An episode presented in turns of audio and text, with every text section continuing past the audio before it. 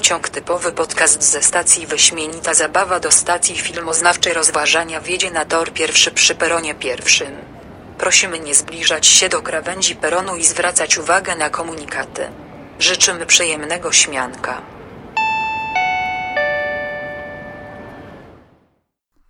Dzień dobry, kochani! Jak się macie? No, troszkę długa ta moja przerwa od typowego podcastu, nie będę udawać, że nie, ale wracam.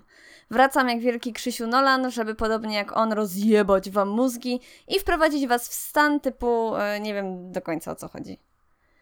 Mm, No tak, e, na ten film, czyli na Tenet, o którym dzisiaj będę mówić, czekali wszyscy. E, My czekaliśmy, czyli wielcy fani kina, bo wreszcie poza takim grubym arthouse'em w końcu jakaś solidna premiera mm, się pojawiła.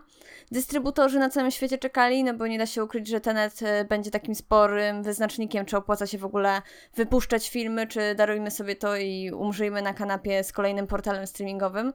No i pewnie za jakiś tydzień e, się tego dowiemy, bo póki co pokaz premierowy był naprawdę zawalony ludźmi, którzy e, przy okazji mówiąc e, mają zupełnie gdzieś swoje i, i innych zdrowie i jak jeden mąż po prostu zdejmowali maseczki, co mnie, no, no niemiłosiernie mnie to irytuje w kinie. Jeśli więc zatem wśród moich słuchaczy są jacyś koronasceptycy, to A, pozdro dla was, B, jak macie swoje zdrowie w dupie, to chociaż uszanujcie innych, prawda? Mm, Więc tak, no jakby wszyscy i branża, i fani e, czekali na Tenet. E, mm, No i co tam u tego naszego Krzysia Nolana? Ostatni raz spotkaliśmy się z nim przy okazji Dunkierki, a może w sumie to dobry moment, żebym w ogóle opowiedziała o moich relacjach z panem Krzysztofem. E, Do dziś uważam niedawno zresztą obejrzaną po raz kolejny przeze mnie Incepcję za jeden z najlepszych filmów, e, które wyszły w tym wieku. To jest e, taki mind game, o jaki nam wszystkim chodzi. Jakby wymagający skupienia od widza, wymagający powtórnego seansu, bardzo zaangażowany. E, I angażujący również emo- emocjonalnie, no bo nie da się przy. jakby no nie ma co mówić. No, po prostu y, historia y, Leonarda y, jest płaczliwa i można się tam po prostu rozryczyć na tej incepcji. Będą się naprawdę sporo dzieje i, i bardzo nas to wszystkich emocjonuje. Interstellar znienawidziłam za pierwszym razem, ale z czasem wszystko się stało dla mnie powiedzmy, że logiczne, bo mam zawsze z tym oczywiście wielki problem. Po prostu no nie jarzę do końca o co temu Nolanowi chodzi, a Dunkierka to majstersztyk i to w ogóle wiadomo i nie ma o czym rozmawiać. No i Tenet.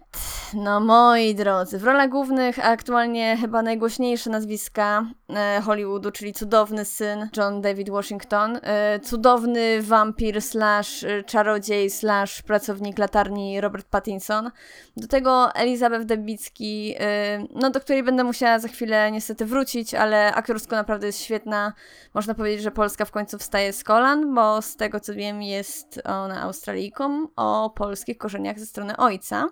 Do tego oczywiście Kenneth Branagh, o którym też więcej za chwilę, bo tam się coś grubo podziało Nolanowi w pisaniu bohaterów e, i, i są tam dość e, poważne problemy. Także e, można powiedzieć, że dostatecznie dużo osób z serii o Harry Potterze wystąpiło w tym filmie, żeby mówić, że tak naprawdę jest to kolejna część Harry'ego Pottera. No cóż, zacznę może od plusów. Tak będzie przyjemniej przynajmniej. E, Główny mindfuck jest e, fantastyczny, jest bardzo ambitny, jest trudny do ogarnięcia prostym umysłem. Daje nam Nolan dokładnie to, co chcielibyśmy dostać, czyli te mądre, filozoficzne głowy będą ogarniać to na jakimś wyższym levelu. My, prostacy, przynajmniej mówię za siebie, będziemy próbowali chociaż ogarnąć o chuj chodzi. Takie wiecie, minimum. E, bo, no jestem po prostu za głupia za to, żeby to ogarnąć i chwała za to, panie Krzysztofie, rób pan nam takie filmy dalej, my tego potrzebujemy. E, potrzebujemy w tym po prostu prostackim świecie, w którym tylko zastanawiamy się, czy umrzemy dzisiaj, czy umrzemy jutro, czy nam za zamkną nas na kwarantannie i czy będziemy mieli z czego żyć, żeby zastanawiać się nad takich ciężkimi sprawami jak fizyka i jakieś podróże w, w czasie i filozofia i to wszystko. Ja dla tych wszystkich pokręconych wydarzeń, dla tej alter rzeczywistości, przechodzeniu w czasie mogę się czuć przez dwie pół godziny jak idiota, w ogóle nie mam z tym żadnego problemu. Potem mi tak ktoś mądrzejszy albo ktoś z internetu wytłumaczy o co chodzi. Także no problem. Poza tym, e, moim zdaniem, nie obejrzycie, już mówię na przyszłość, nie, nie, nie, nie wyobrażam sobie, że wydarzy się w tym roku cokolwiek lepszego pod względem takim czysto wizualnym, czysto technicznym. E, bo naprawdę Nolan, no, on się nie pierdoli w tańcu. Jeśli chciał sobie wjechać w budynek samolotem, to sobie wjeżdża w budynek samolotem. Jeśli chce robić wielki pościg po ulicach Talina, to sobie robi wielki pościg po ulicach Talina. Rozmachu jest tam tyle, że starczyłoby na sensacyjniaki, ja myślę, na tak na dwa lata do przodu. I bardzo dobrze się na to patrzy i wspaniale się to ogląda. I chwała Ci Pan Nolan za to. I, i chwała Ci za to też, że y, kochasz Ludwiga Goransona, bo to jest y, genialny człowiek, zrobił fan, wspaniałą muzykę, naprawdę, jeśli tylko Tenet y, pojawi się w serwisach streamingowych, y, w sensie ścieżka dźwiękowa, a wydaje mi się, że ten moment już nastał, to słuchajcie, bo to jest naprawdę grube, grube. Co prawda utwór został też napisany przez Travisa Scotta do tego filmu, no nie trzeba tego robić, nie? Jakby no, nie trzeba było i nie jest to też jakiś specjalnie dobry utwór, ale ja też nie jestem największą fanką Travisa Scotta na świecie, więc może.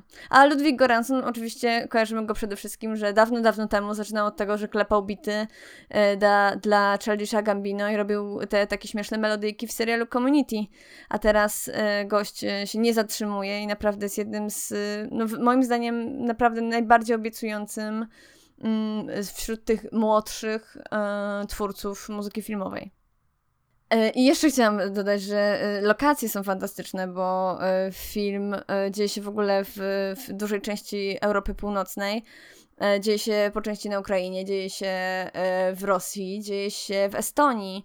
I tak się zastanawiam, myślę o tych poprzednich produkcjach Nolana, gdzie mieliśmy Paryż, mieliśmy oczywiście Dunkierkę, no to wiadomo, E, Interstellar no to już e, bardziej amerykańska sprawa, no ale tak sobie myślę, że coś tam jest e, grubo spartaczone w tym naszym mm, Ministerstwie Kultury, bo gdyby tylko wrzucić jakieś ulgi podatkowe dla twórców, którzy przyjadą do Polski coś nakręcić, to my byśmy naprawdę już ze dwie części Mission Impossible mogli zrobić na ulicach Warszawy, Krakowa, Wrocławia, Poznania, Gdańska, w Zakopanem. Kurde, mamy tyle pięknych miejsc, dlaczego my z tego nie korzystamy? Jest mi przykro.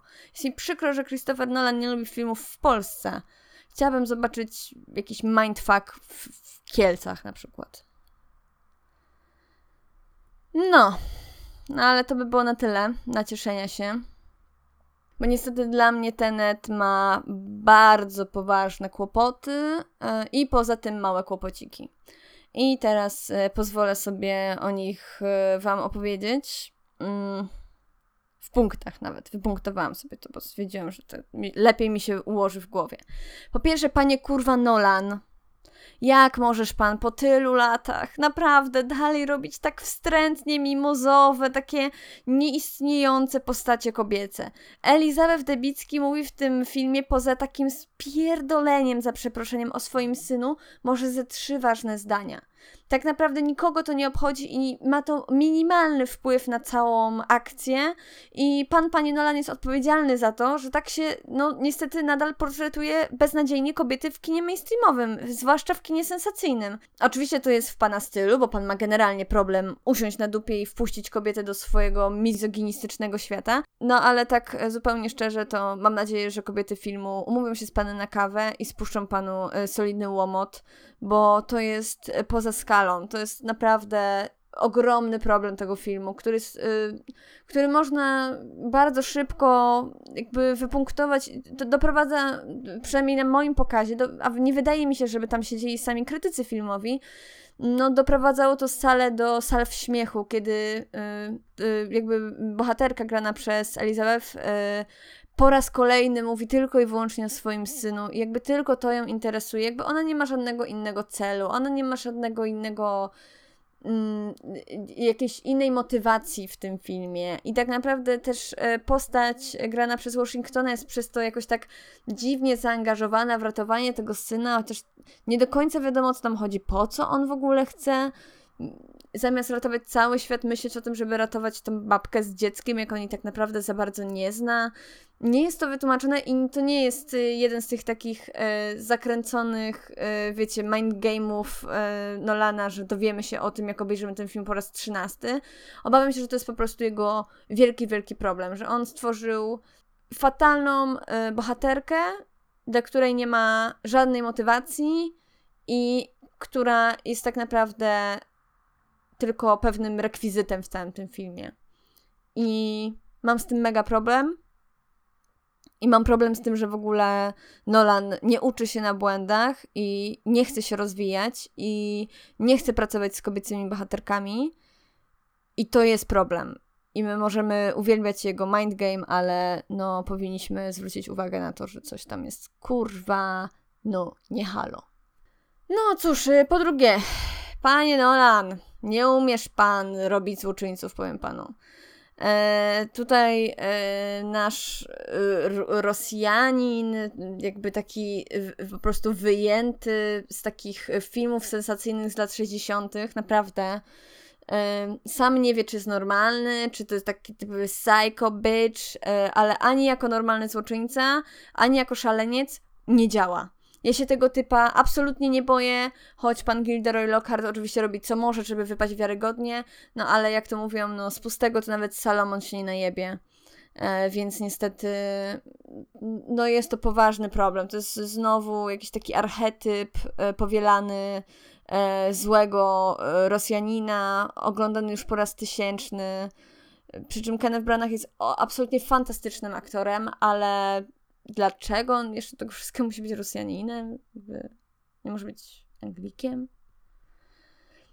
E, no i to się wszystko moim zdaniem sprowadza też do punktu trzeciego, mm, czyli to jak jak denne i jak takie pseudo-głębokie dialogi y, tworzy nam pan tu, panie Nolan, bo pan jakby nie dasz ludziom pogadać o pogodzie, tylko chuj, od razu ratowanie świata, trzecia wojna światowa, no fatalne są te rozmowy między bohaterami, tam się nawet nikt nie ma czasu zastanowić, co ma do powiedzenia, tylko po prostu jest walenie frazesami jak z M16. Tam są y, długie, ciężkie wypowiedzi, tam brakuje lekkości, brakuje oddechu, brakuje spokoju. No i, yy, no i to jest właśnie mój taki główny zarzut, no bo pan, panie Nolan, po prostu tym bohaterom nie dajesz czasu. Oni się nie mają kiedy zastanowić nad swoim działaniem.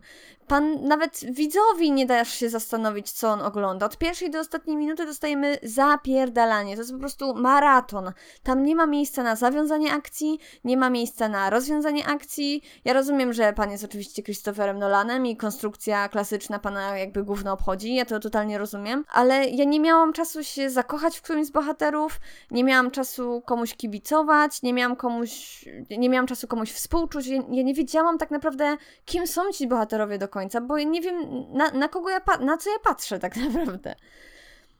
Bo serio, y, no niestety ten film trwa 2,5 godziny i tam się ciągle coś dzieje. Tam w ogóle nie ma czasu na to, żeby se dron spokojnie ujęcie z powietrza zrobił. Tam się wszystko śpieszy. Tam jest oczywiście maksimum niesamowitych efektów specjalnych. E, efektów specjalnych, które wymagają prawdziwej prawdziwego rozjebania czegoś, a nie wywalenia tego na green screen, co jest zawsze dla mnie, no, zwłaszcza w dzisiejszych czasach, to jest y, ogromny plus, ogromny atut. I jakby chwała ci za to, y, Nolanie, że robisz takie rzeczy i w ogóle super, ale za bardzo, wydaje mi się, że, że on się skupił w tym filmie za bardzo na tym, żeby rozjechać nam głowy, a trochę za mało na tym, żeby po prostu zrobić dobrze skonstruowany film. Bo on jest fantastycznie zmontowany, ma doskonały dźwięk, doskonałą muzykę, no te rozpierduchy no, robią mega wrażenie. Ale mi tam brakuje mięsa, po prostu takiego życiowego, ludzkiego mięsa, bo przecież i w Interstellar, no, no come on, nie? No jakby, no, no było tam do popłakania. Można się było też oczywiście z tego śmiać, jeżeli ktoś jest y, mną, albo po prostu tego nie kupował, albo go to bawiło, no to było śmianko.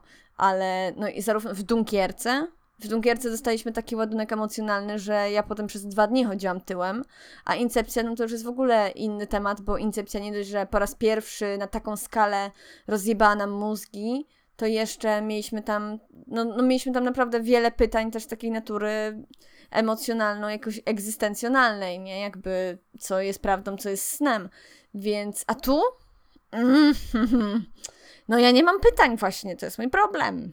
Ja mam pytania, co było, co jest, co będzie, co jest tyłem, co jest przodem. W sensie musicie zobaczyć, nie chcę mi się tego tłumaczyć, nawet nie rozumiem tego do końca, ale ja nie mam żadnych pytań, ani żadnych y, takich przemyśleń na temat bohaterów, bo są płascy, są jednowymiarowi, no, są nieatrakcyjni zupełnie. To jest bardzo wszystko ambitne, ale koniec końców chyba głupie, no. I tylko tyle.